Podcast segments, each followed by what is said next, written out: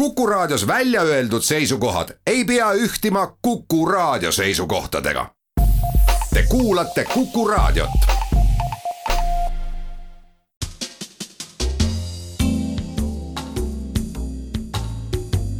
tarkade klubi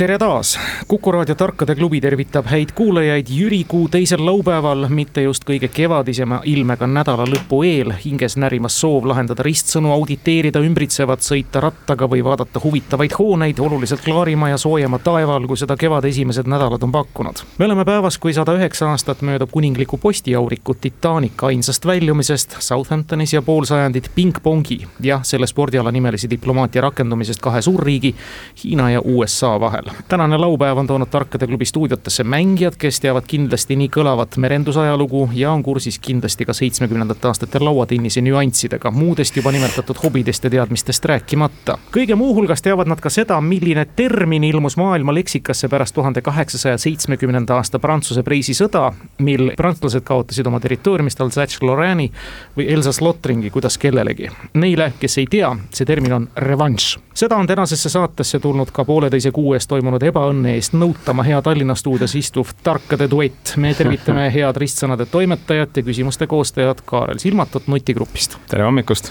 ja Kaarli paarilisena riskinõustajat ja riskinõustamisgrupi juhti KPMG-s ühtlasi siseaudiitor Ville Arnekit tere hommikust! ja poksikindad käes ja kilbid õiges asendis võtavad Tartu stuudio kaevikutes koha sisse malumängumaestro arhitektuuriloolane Toivo Kreek. tere hommikust ja, ja vastasvõistkonnale tervist tervist! ja aktiivne harrastusrattur, Saarde valla patrioot Matis Song. tervist! meie tänase saate kümme küsimust laotavad teie ette head mängijad järgmiste teemadena.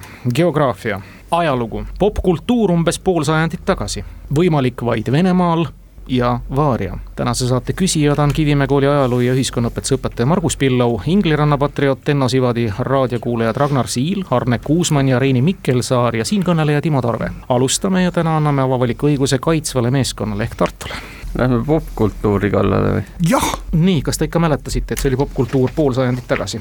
no jah mm, -hmm. mäletame ja Tenno Sivadi küsimused on mõlemad sellest vallast. selleks, et teada saada, kas Elizabeth Taylor ja Richard Burton olid järjekordselt tülli läinud või vastupidi, uuesti ära leppinud, ei olnud Londoni elanikel vaja isegi kollaseid ajalehti lugeda piisas sellest, kui läbi jalutada Mary LeBone'i asumi ühest tuhande kaheksasaja kolmekümne viiendal aastal asutatud asutusest, kust siis sai kõige värskemaid uudiseid nende kahe kuulsa näitleja suhetest.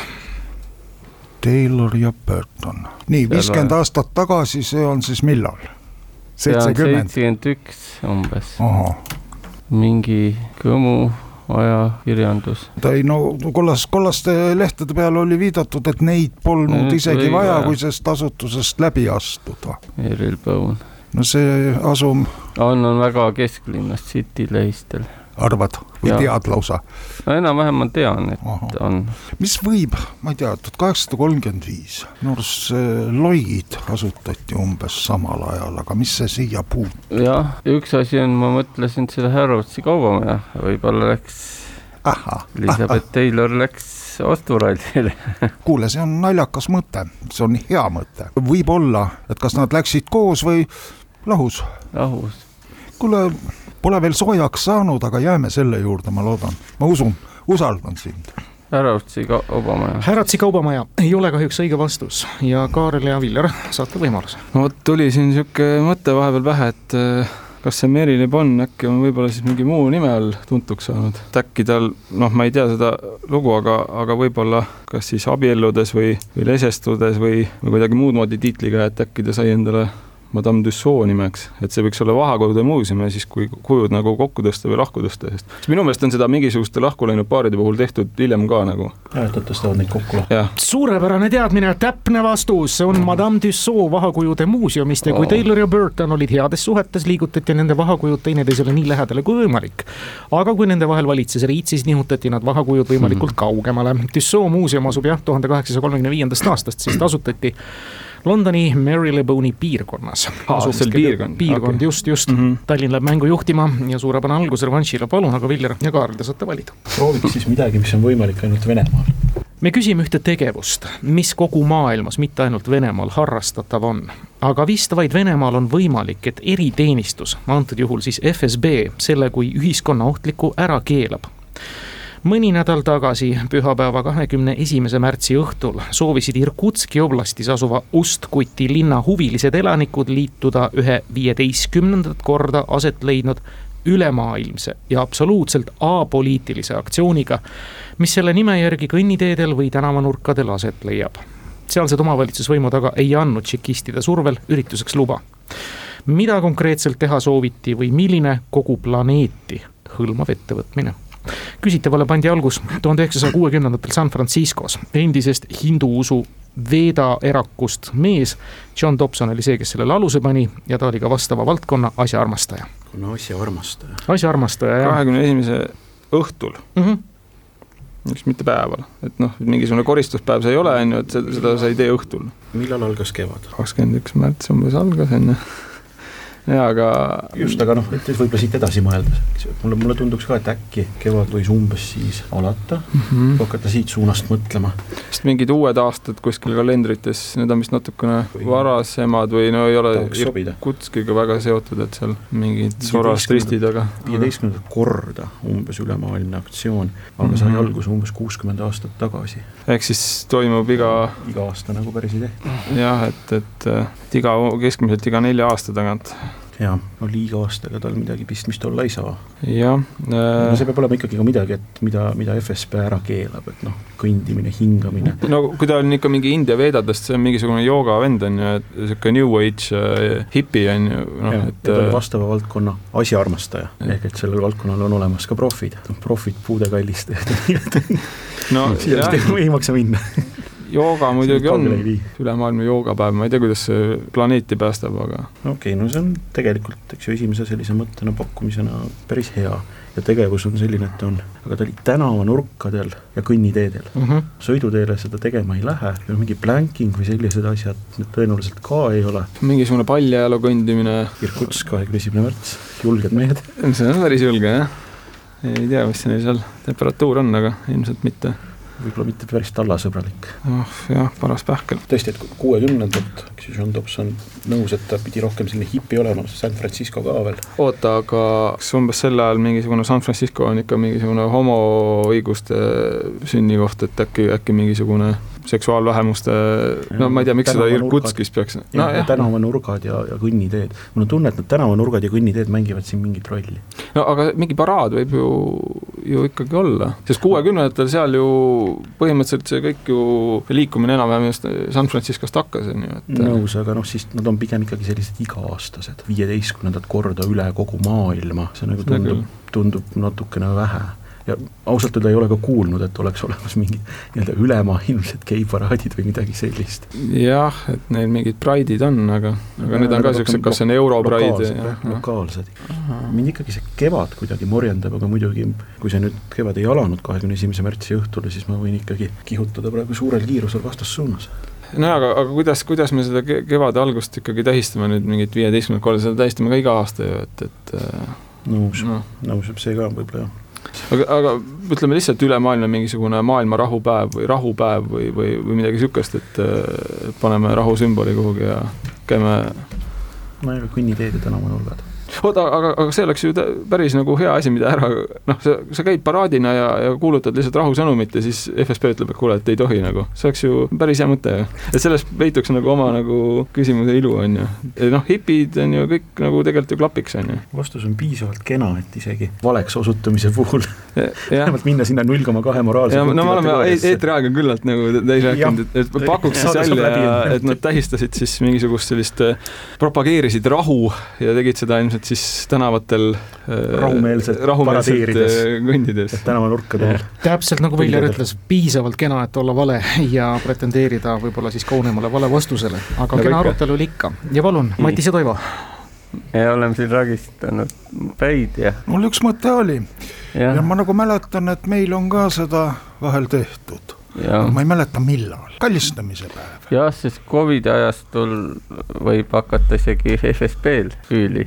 jah, et minu arust ma märtsis, see on siis vähem kui kuu aega tagasi jah, aga kevad algus, kevad on niisugune armastusvärk ja.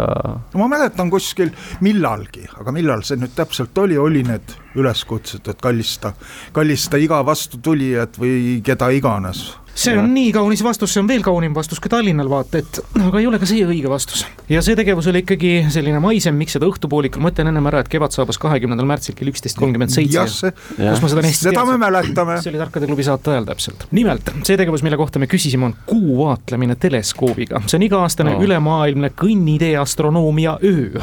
Dobsoni algatatud harrastajatest taevavaatajate liikumist kutsutakse siis inglisekeelses maailmas sidewalk astronomy või street corner astronomy ja miks nüüd FSB selle ära keelas? Seda võib oletada, nimelt see kodanikuühendus, kes sealset plaanitavat vaatlemist organiseeris, oli siis Aleksei Navalnõiga seotud. ja sealt siis nähti ohtu, mitte kuu peale vaatamises, aga muud moodi. aga palun, Matis ja Toivo, te saate nüüd valida. väga rahumeelne mõttekäik oli meil. ega vist midagi targemat pole teha, kui selle popkultuuriga lõpuni minna. nii, ja läheme selle kunagise popkultuuriga lõpuni. Brigitte Bardot kasvatasid vanemad rangete katoliiklike traditsioonide järgi lapsena ei peetud teda üldse kenaks tüdrukuks, tal lõid välja allergilised lööbed, nina tundus talle endale lausa vastikuna, ülahuul oli märksa jämedam kui alahuul, justkui oleks paistes, põsed ümarad, silmad see-eest aga pisikesed. pärast seda, kui teda filmimehed märkasid, nimetades teda hiljem lausa armastuse jumalannaks, muutus ka Bardot märksa enesekindlamaks.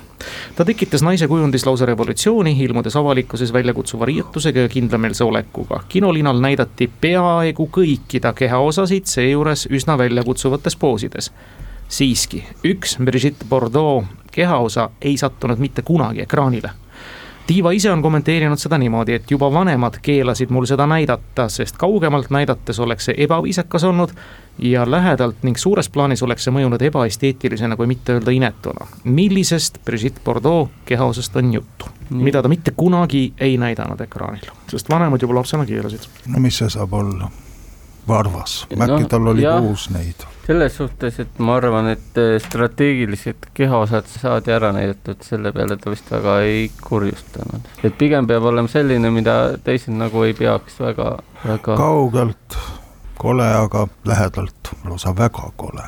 minu arust, tead, kui nüüd mõtlema hakata, ega tollal olid, kas tal olid kõrvad juustega kaetud kogu aeg. no ei oska öelda, ma ei ole tema nagu filmide fänn olnud väga ja ma olen ilmselt väga vähe vaadanud. no vahel on ikka ette sattunud, aga no jah. kõrvade puhul muidugi saab äh, küll öelda, seal võib tekkida vahel küsimusi, kas nad paistavad siis teistele nii head välja, kui nad. no jah, kas liiga suured, liiga laiali, liiga pisikesed, krussis kuidagi, no ma arvan, et ei olnud. kui aga... vanemad hakkasid juba ütlema, siis pidi need kuidagi silmapaistev olema. ja kui tema soengut vaadata, siis ju iseenesest eh, tal oli alati selline enam-vähem ikkagi juuksed paksult salkus. olid justkui küll, sest poisi pea poisipea tollal polnud. noh, eh, tuli küll varsti džiin. nojah, see tuli, aga tema alustas viiekümnendatel juba tegelikult. nojah, et nii. aga nina, no nina puhul ei saa mitte kuidagi, seda ei ole võimalik katta, noh, kui just hambad hambad, hambad, ma arvan no., ta rääkis ikka filmis, neid ja. nähti. ja need oleks ära parandatud. jah, aga kõrvadega võib küll olla mingi teema, paneks kõrvad. kõrvad võib jah alati juuste alla ära peita. kaugelt vaadates, noh, kaugelt vaadates saa midagi aru, lähedalt saab niimoodi näidata ka, et isegi kui nad pole juuste all, siis no pakume kõrvad. ei ole kõrvad kahjuks õige vastus. Kaarel Vilja. ma küsiks üle, et, et seal oli öeldud, et lähedalt oli liiga inetu, lähedalt vaadates, aga kaugelt vaadates oli. kaugelt oleks see ebaviisakas, aga lähedalt ja suures plaanis ebaesteetiline, et mitte öelda inetu. no just, me hakkasime ka mõtlema, eks ju, esimene mõte mm -hmm. oli meil ka kõrvad, et äkki ta kandis. ja, jah, siis käis nagu naba läbi, minu arust oli ainsuses oli küsitud kehaosa on ju. jah, kuigi bikiini, bikiinid nagu viitaksid sellele, et ikkagi. jah, et ilmselt on naba ka. bikiinidega läheb keeruliseks veidike natukene. aga siis tegelikult sobiks väga hästi, et kaugelt ebaviisakas on see, kui sa näitad keelt. kõik õige, lapsena ju keelati ära, lastel enamikel on ju keelatud kunagi keele näitamine, juba pisikese tüdrukuna, nii ka Brigitte Bardot'l ja nõnda jäigi. vanemate sõnakõelaste lõpuni ja kui vaadata Brigitte Bardot filme, ülesvõtteid, ega oh. keelt ta ei näita. lihtne oli tegelikult vastus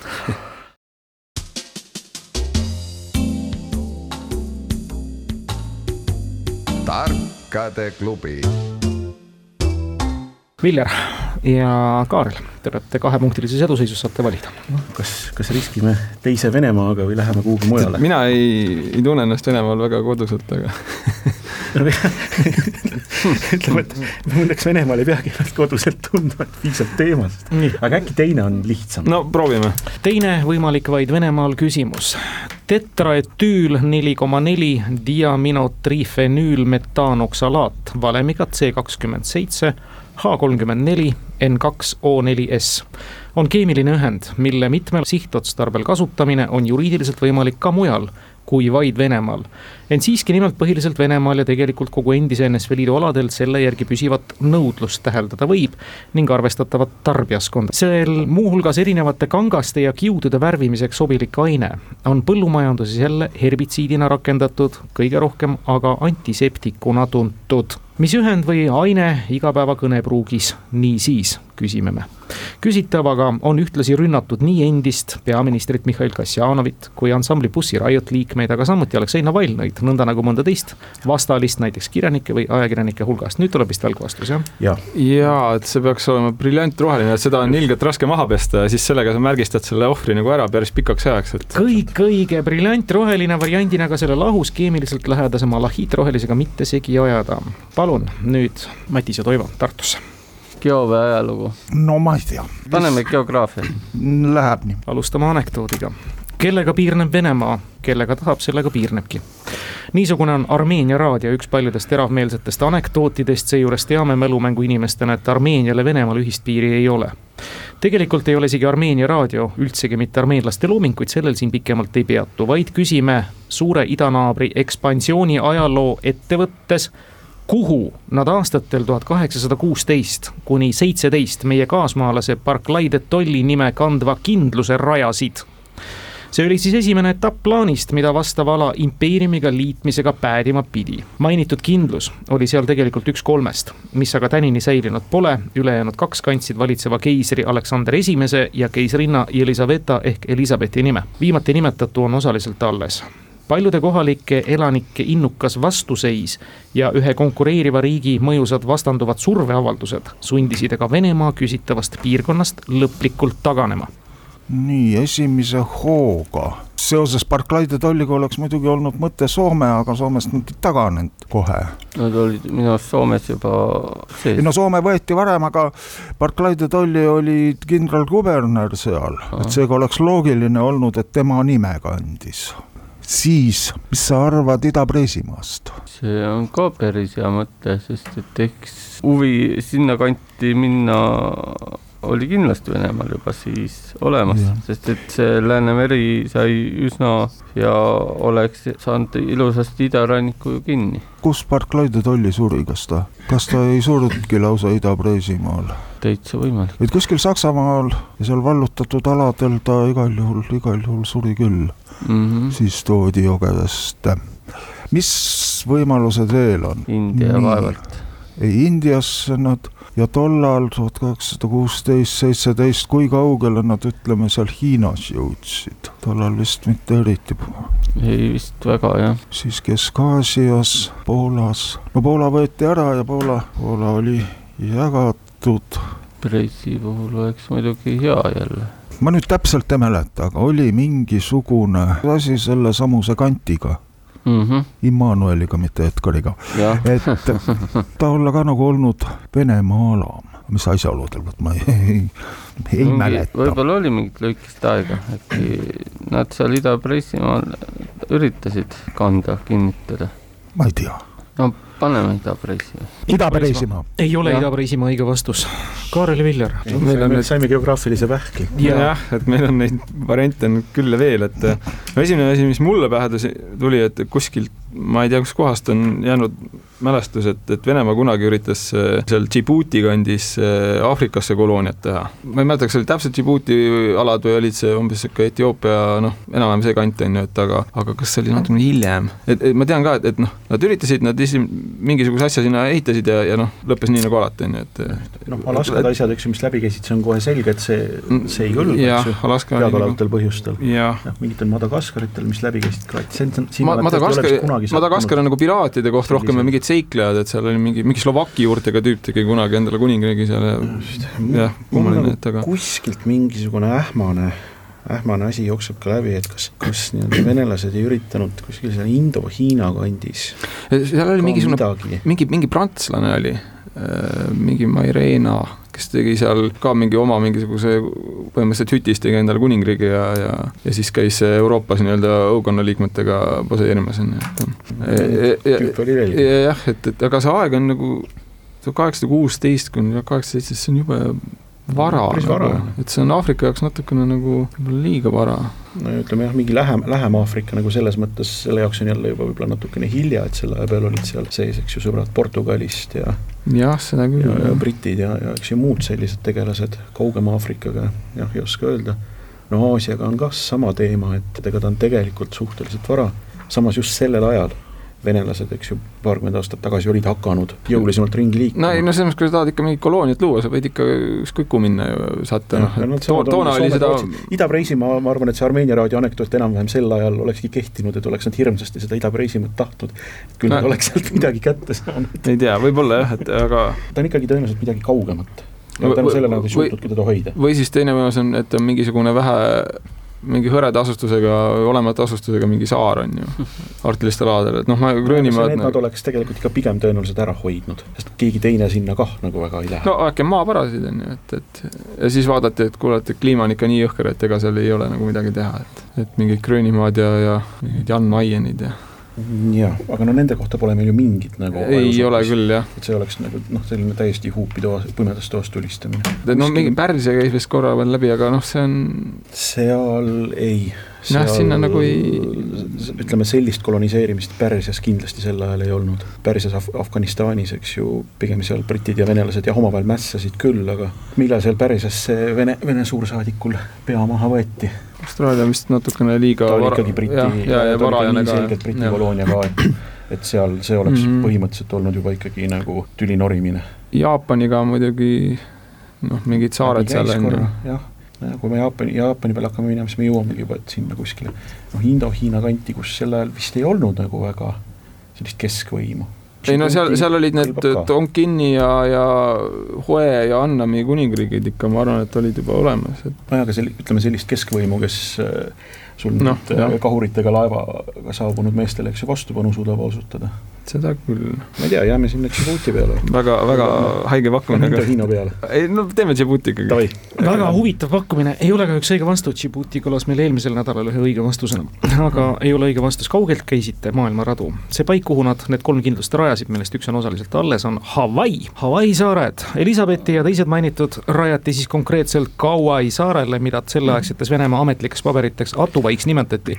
meenutame, et nendeks aastateks, kui need sündmused aset leidsid, oli nii ala Alaska kui kogu Põhja-Ameerika läänerannik kuni Californiani välja sisuliselt venelaste kontrolli alla läinud ja konkureeriv võim olid muidugi Ameerika Ühendriigid. tänu millele sellest asja ei saanud. nõndaviisi, Kaarel ja Viljar, poole mängu peal, te olete mõningases eduseisus, saate valida. no ma ei tea, Viljar küll tahaks vist geograafiat vältida nagu tuld, aga ja, ja esimene küsimus tõestas, et midagi lihtsalt ei tule, on ju, et aga aga no proovime, proovime. no nii okay., auhinnatud kuulaja Ragnar Siil küsib. mäletame veel, kui lahenduse sai Kreeka ja Makedoonia nimevaidlus, mille tulemusena kannab riik kahe tuhande üheksateistkümnendast aastast Põhja-Makedoonia nimetust. see ei ole aga esimene ja vist mitte ka viimane nimevaidlus maailma riikide vahel. millist kahest silbist koosneva riigi nime sooviti üheksateistkümnenda sajandi alguses kirjutada ühtpidi, kuid suure ja võimsa naabri vastasseisu tõttu tunneme me seda riiki hoopis teistpidi, silbitatuna, kokku panduna. kildumise ajendiks oli see, et soovitud nimekuju ühtis suurele naaberriigile kuulunud territooriumi nimega. üks kahest silbist tähendab muide lõuna okei okay,, nüüd kiiresti kinni hakates, et suur ja võimas idanaaber või suur ja võimas? suur ja võimas naaber. suur ja võimas naaber. ehk et ei ole kindel, et on idas? ei ole kindel, jah okei okay. okay, ja üks silp tähendab lõuna, see tähendab, et võib-olla naaber on põhjast siis või? no mis mul esimene tuleb, on Tonga tähendab äh, minu arust mingi lõunasaar. Tonga, Katon. aga noh, kes see suur naaber seal on? just, väga kaugel on läinud suur naaber. ja, ja see aeg, millal vaidlus oli, oli? üheksateistkümnes sajand, algus. algus mm -hmm., okei okay.. no siis see suur naaber vaevalt, et on, eks ju, USA sel ajal. no pigem on, on äkki mingi Austraalia, seal mingi keita. Austraaliat ei olnud olemas, eks ju, sel ajal iseenesest riigina. no veel suurem naaber, Suurbritannia impeerium on ju. ei, ei nõus, nõus, aga, aga noh, vaevalt, et see on inglisekeelne Okay. noh, mingi, siis ta peaks olema mingi South, mis iganes, eks ju, ja, ja, ja, ja, ja Austraaliatel ja sellistel piirkondadel ta ei saa olla, eks ju, mingisugune noh, kohalike aborigeenide keeles, sest ei, ei nagu noh, kui võtta näiteks Tonga on ju, ta oleks teistpidi Keiton, Keiton võib ju noh, olla teoreetiliselt, aga, aga ma riik, ei no riik sellel ajal, eks, või territoorium ja. sellel ajal. Venemaa on kahtlemata üks selline võimas naaber, ju, juž, juk mingi, aga noh, mis, mis saab olla see territoorium? Polska ei, ei ole. no kuidagi ei lähe, eks ju mm vaevalt, et see on Euroopas, Euroopa riikide või territooriumite sellised, kas on olnud selliseid? no võime kõik maailma riigid läbi käia muidugi, et see oleks see võtab, jah, võtab natukene läheb aega, aga mis siin ikka, et, et nagu vaja on ju vastus kätte saada. kuule, suur ja võimas naaber. India oli tegelikult, eks ju, üheksateistkümnes sajand, India oli jälle Suurbritannia, India ei kõlba mm. -hmm. aga suur ja võimas naaber, Hiina oli sel ajal ju suur ja võimas. aa, Vietnam, Nam, Nam-Viet, kuule, kas Viet Cong Äh, lõu-, Vietnam äkki ongi mingi lõunavietide mingi, või oota, mingi kuule, ja, ja, ja, ja, ja. eelmine küsimus on ju, arutasime mingi Hiina, Hiinat on ju, aga nüüd on Vietnam, aga et eelmine kord me juba läksime sellesse. kuule, see on väga hea, sest, sest nad kasutavad neid silpe täiesti eraldi ja, ja, ja. jah, täpselt, Vietnam, kaks silpi ja Hiina on ju suur ja võimas. absoluutselt ja nendega nad kogu aeg sõdivad ka. kui sa hakkad ka mõtlema, eks ju. seal nimes tähendab midagi vist lõunaga. jah, kas ta on nüüd idas, eks ju, või ta on ka ka mingil ja. määral veel muudes ilmakaartes. jah, jaa, okei okay,, ma arvan, et on piisavalt hea pakkumine, et, et ärme hakka tervet mingeid naurusid ja asju läbi kammima, et ja, äh, paneme Vietnam. kõik õige loogika viis sihile, see on tõesti Vietnam, ehk siis lõunavietide riik ja algselt soovitati seda tõesti nimetada Viet, aga Hiina oli siis tõesti sellele vastu. palun, nüüd aga ainult õige valik järelejäänute hulgast, mis on siis Varia pluss ajalugu. võtame siis ajaloo. kahekümnendal märtsil sai nelikümmend aastat sellest, kui Mehhiko laheäärse Mobile'i linna, mis Alabamas asub, üheksateistkümneaastane elanik Michael Donald oma majast väljus, et poodi minna ja enam ta kunagi koju ei naasnud. tema elutu keha leiti mõne aja pärast ja surma põhjus on üks konkreetse Iiri päritolu perekonnanime läbi väljendatav. millise? Michael Donald on teadaolevalt seni viimane, kelle elutöö sellisel viisil katkes. nii, Iiri päritolu perekonnanimi. Kennedy. viimane, kelle elutee sel viisil katkes. katkes, jah kuuli läbi. meteoriidi tabamusega, mis see esiteks Iiri siia puutub ja minu arust, kui ta seal Venemaal kuskil kukkus, siis seal vist sai ka keegi surma. no aga mina mõtlen Ted Kennedise peale. mismoodi? läbi pandi mis see tüübi nimi oli? Michael Donald. ja mis osariigis see oli? Alabama. Ted Bundy oli rohkem naiste peale reguleeritud, aga tema tegevusaeg oli küll sinnakanti. Ted Bundy viimane ohver. teine ja. asi, oota nüüd, kas Lynch on Iiri päritolu nimi? Lynch on küll sinnakanti no kanti küll. vabalt võib olla lintsimine, aga kuule, Alabama. seda ma mõtlesingi, et Alabama. rahvusspordiala seal enamasti kippus vanasti olema. ära nüüd nii pahasti ka no, ütle. öelda ka nii pahasti, aga äkki ongi lintsimine. vaata surma põhjus, see ei saa olla stiilis, et tõesti nagu esma pakkusin umbes Kennedy, noh, Kennedy'd on ennemgi ja ilmselt no, pärast. seda ma mõtlengi ja, ja Halli komeet ei ole ka kedagi tapnud justkui näiteks kuule, pakume lintsimine. teeme seda. Tallinn aplodeerib teile, kui te näeksite siin praegu tõesti suurepärane töö, see on lintšimine, perekonnanimi Lynch, ehk siis Ameerika Ühendriikides mustanahaliste omakohtu korras mõrvamine. tavaliselt poomisega, aga antud õõvastav sotsiaalne fenomen hoogustas USA-s tuhande kaheksasaja kaheksakümnendatel aastatel. selle mõiste päritolul on kaks põhilist varianti, kas Charles Lynch'i iseseisvussõjaaegse kohtuniku järgi, kes väidetavalt ka seda õigusvälist praktikat rakendas, või kapten William Lynch'i järgi, kelle algatusel aastal tuhat kaheksasada üksteist Virginia ühes maa maakondades ihunuhtluse seadus vastu võeti, avate skoori sellega.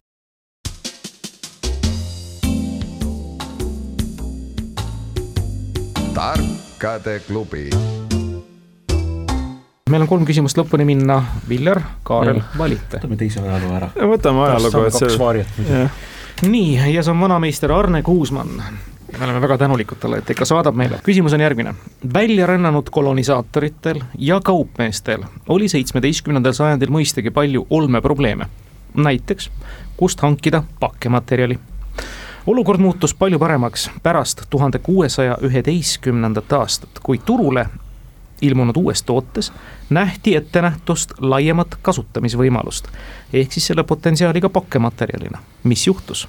Küsib ta. esimese asjana võiks küsida, et millal ajalehed, paberajalehed? no esimene ilmus umbes enam-vähem täpselt sel ajal. Äh, minu meelest oligi tuhat kuussada algus kuskil Strasbourgis äkki. ajalehe paberisse, eks ju, pakiti ikka veel ja... no kahekümnenda sajandi alguseni. sest, vanim nagu tänini ilmub, noh nüüd küll netis, see on Rootsist ja see on mingi tuhat kuussada lõpp hakkas ilmuma, aga, aga see esimene oli Strasbourgis minu teada ja see oli umbes tuhat kuussada midagi. sest no mis see saab olla, raamatud Algus. olid ikkagi sel ajal tohutult kallid raamatutesse, eks ju, vaevalt, et äh, sul pakiti millessegi sellisesse. raamatud olid varasemalt ka. ja, ei no täpselt Ku,. kuigi mingi raamatu, mingi materjal, mingisugune noh, et nüüd jõuti kolonisaatorid jõudsid, ma ei tea, Kalinguri no, ja jah, aga no ei, Gutenberg juba trükkis ikkagi paber, paberi peal, eks, et noh, see, see nagu selles mõttes ei sellest ajast nagu ei, ei meenu otseselt väga palju niisuguseid uusi leiutisi, mis ja noh, millesse sa pakid, sa ei paki tegelikult, eks ju, riietesse või mingisse sellisesse püsikaupa. tegime kirjutuslaua pulkadeks. jah, selles, selles mõttes küll, et pigem jah, selline mingid brošüürid on ju, et, et jah, et ta peab olema loed läbi ja, ja siis saad kasutada. kasutusväärtus kaob, eks ju, peale tarbimist ja no no mul ei tule mitte midagi head peale ajalehe pähe.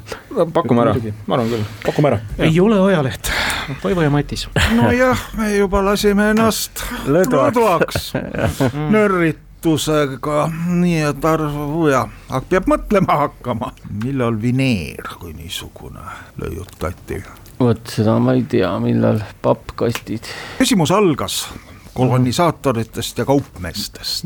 nii et midagi ikkagi midagi niisugust, nii mis seal, no kaugemal natukene üldjuhul igasugused klaaspurgid, pudelid, ampullid, need olid ka kindlasti varem olemas. ja, ja ma arvan aga..., puukastid ikka olid ka juba olemas. ei, puukastid kui niisugused olid kindlasti olemas, aga noh, vineer ma ei tea, no milleks ja mis see muu, muu otstarve võis tal olla mööbli valmistamisel, et siis hakati kahtlane. täpselt samuti, milleks siis papp kui niisugune võidi muidu leiutada kanepikiukotid. see kotid, mingisugused kanepikiust või juudist, mis iganes, need võisid küll olla, aga millest siis ennem, kas ennem kotte ei olnud?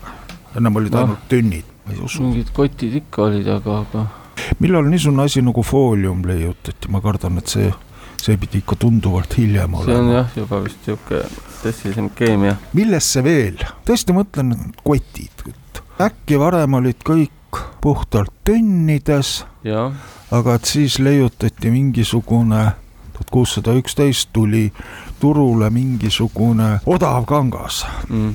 -hmm. siidi või villast vist ei oleks keegi raatsinud pakendamiseks kasutada. siid on natuke vist jah, sel ajal oli see väga hinnas ja kallis.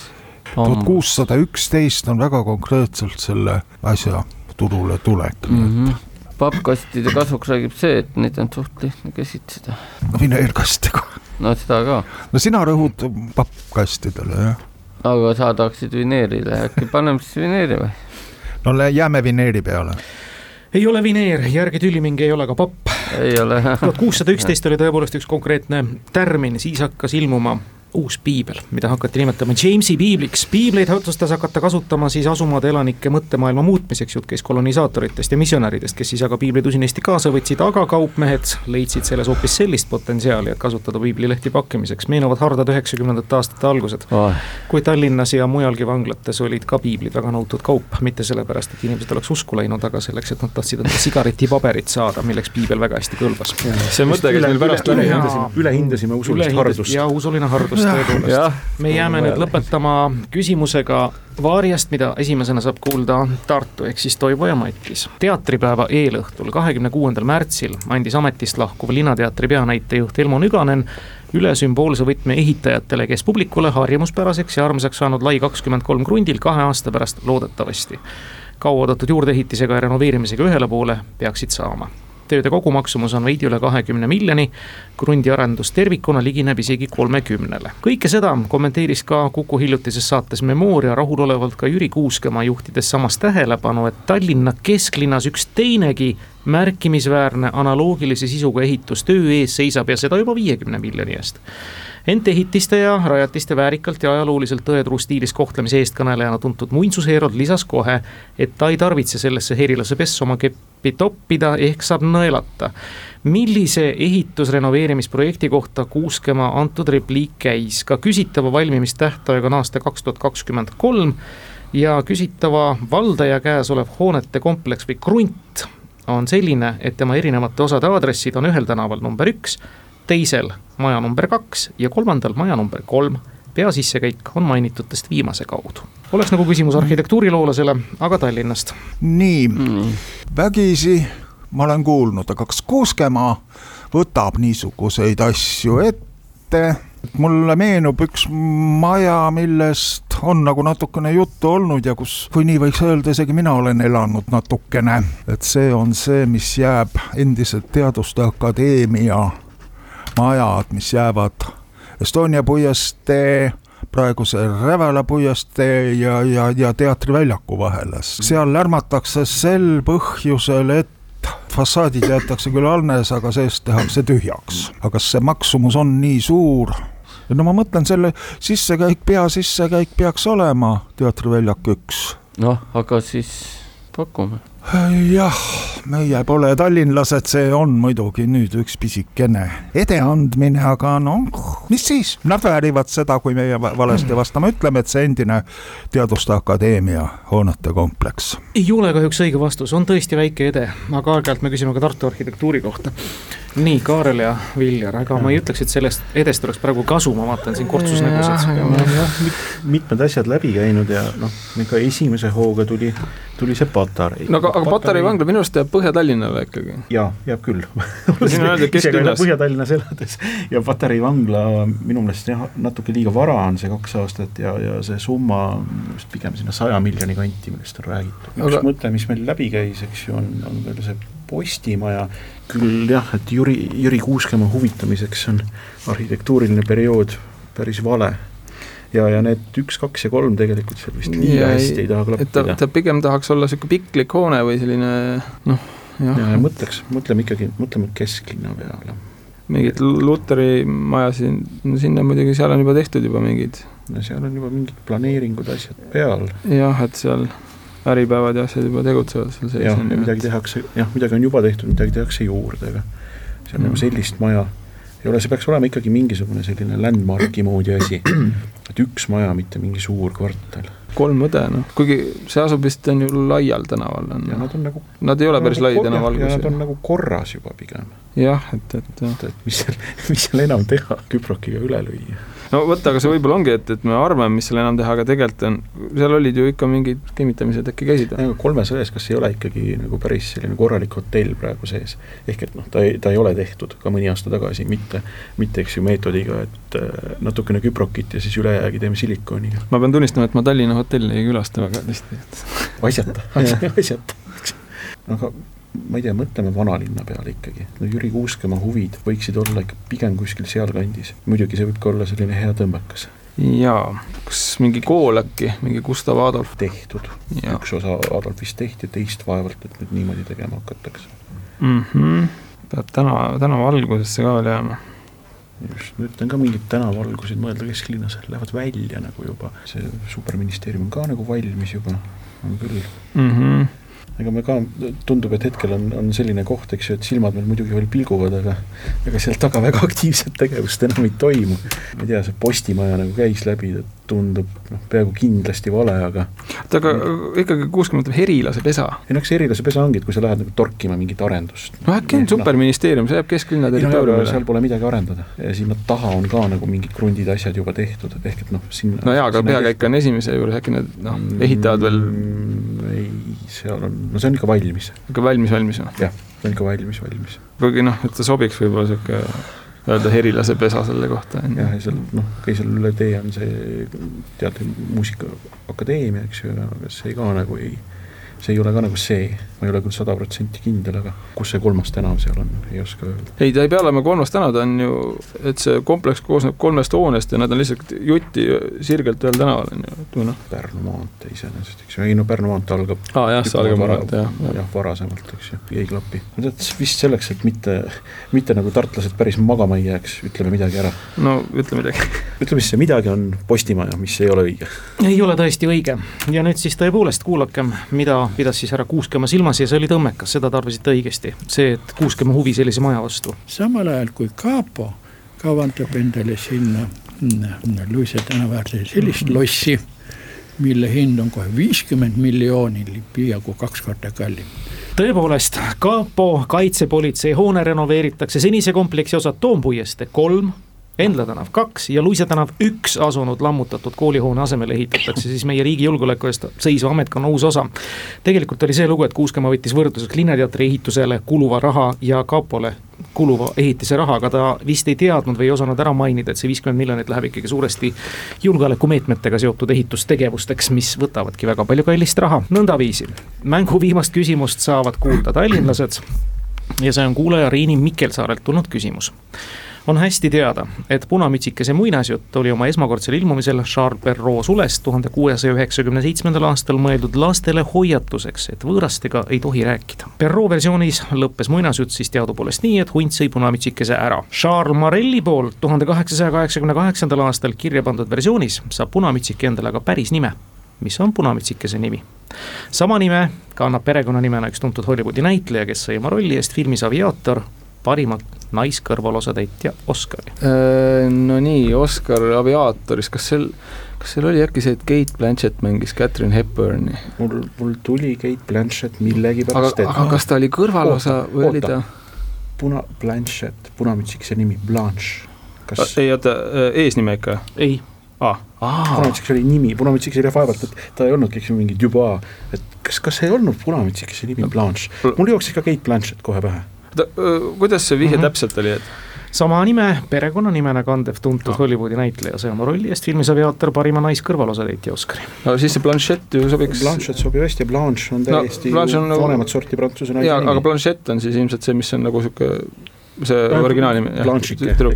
kõik õige, jah, mis siin enam, see on tõepoolest Blanchett ja viide siis mm -hmm. Blanchettile Tallinn on saanud tõesti vägeva revanši kätte eelmiste kordade eest, meenutagem, siin tuli punkte viis, Tartule üks ja oli tore mäng, suhteliselt ja piisavalt raske ka. ja kõige selle kuuldu peale äkki valime ka teie arvates täna parima kuuldud küsimuse. ja ei no siin oli neid vastamata asju küll ja veel, on ju, et mhm no piibli, piibli materjal oli tegelikult päris huvitav, päris huvitav. ja, ja, ja, ja mulle meeldis see Hawaii. festival muidugi oli ka päris kuigi see oli, see oli nagu jabur pigem.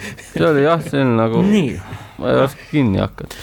piibli väärkasutus siis no jääme jah. siis vanameister Arne Kuusmann, talle läkitame sihtotstarbeliselt ikkagi ka mõne väärt raamatu, mitte pakkimismaterjaliks. suur tänu teile, Viljar Kaarel Tallinnasse, aitäh teile, Matis ja Toivo Tartusse selle ilusa kevadtunni eest ja taas kuulmist. hoolega hoitud auhinnad toob kohale Smartpost Itella. lõpetame saate nagu ikka kuulajamänguga eelmisel laupäeval küsisime saate lõpus Jaapani astronaudi kandidaatide katsete kohta. täpsemalt neist ühe kohta, mida jaapanlastest kosmosepürgijatel tuleb läbida erinevalt nende kolleegidest maailmas. mis on midagi väga jaapanipärast ja aastast tuhat üheksasada viiskümmend viis, kõlasid lisavihjetena õige vastus on, et Jaapani astronautidel tuleb kõigi muude katsete seas voltida ka väga palju, tuhat paberkurge tegemist on enam kui poole sajandi vanuse vastupidavust ja tähelepanelikkust proovile paneva ülesandega, mida mitte ainult astronaudid muide realiseerima peavad meenutame, et paberkurgede voltimise traditsiooni algatas Hiroshima rünnaku järel leukeemia haigeks jäänud tüdruk Sadako Sasaki tegevusena, mille läbi lootis ta terveks saada. tuhande paberkureni paraku tüdruk ei jõudnud, aga innustava traditsiooni ta seeläbi oma kodumaale ja kogu maailmale andis kõige õigesti vastanute vahel naeratas loosiõnn kuulaja Herman Loorile. palju õnne, teiega võtame ühendust. uus nädala küsimus kõlab järgmiselt.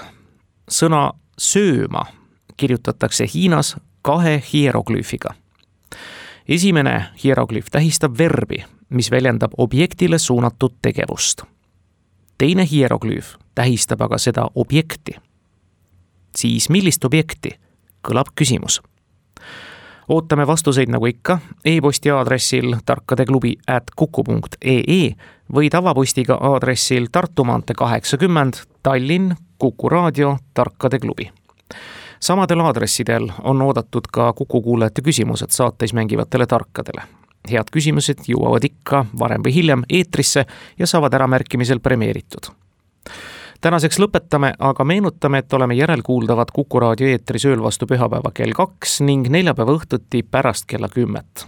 igal ajal aga internetis läbi Kuku raadio kodulehe taskuhäälingu ja nutirakenduse mobiilseadmes. Kuulmiseni.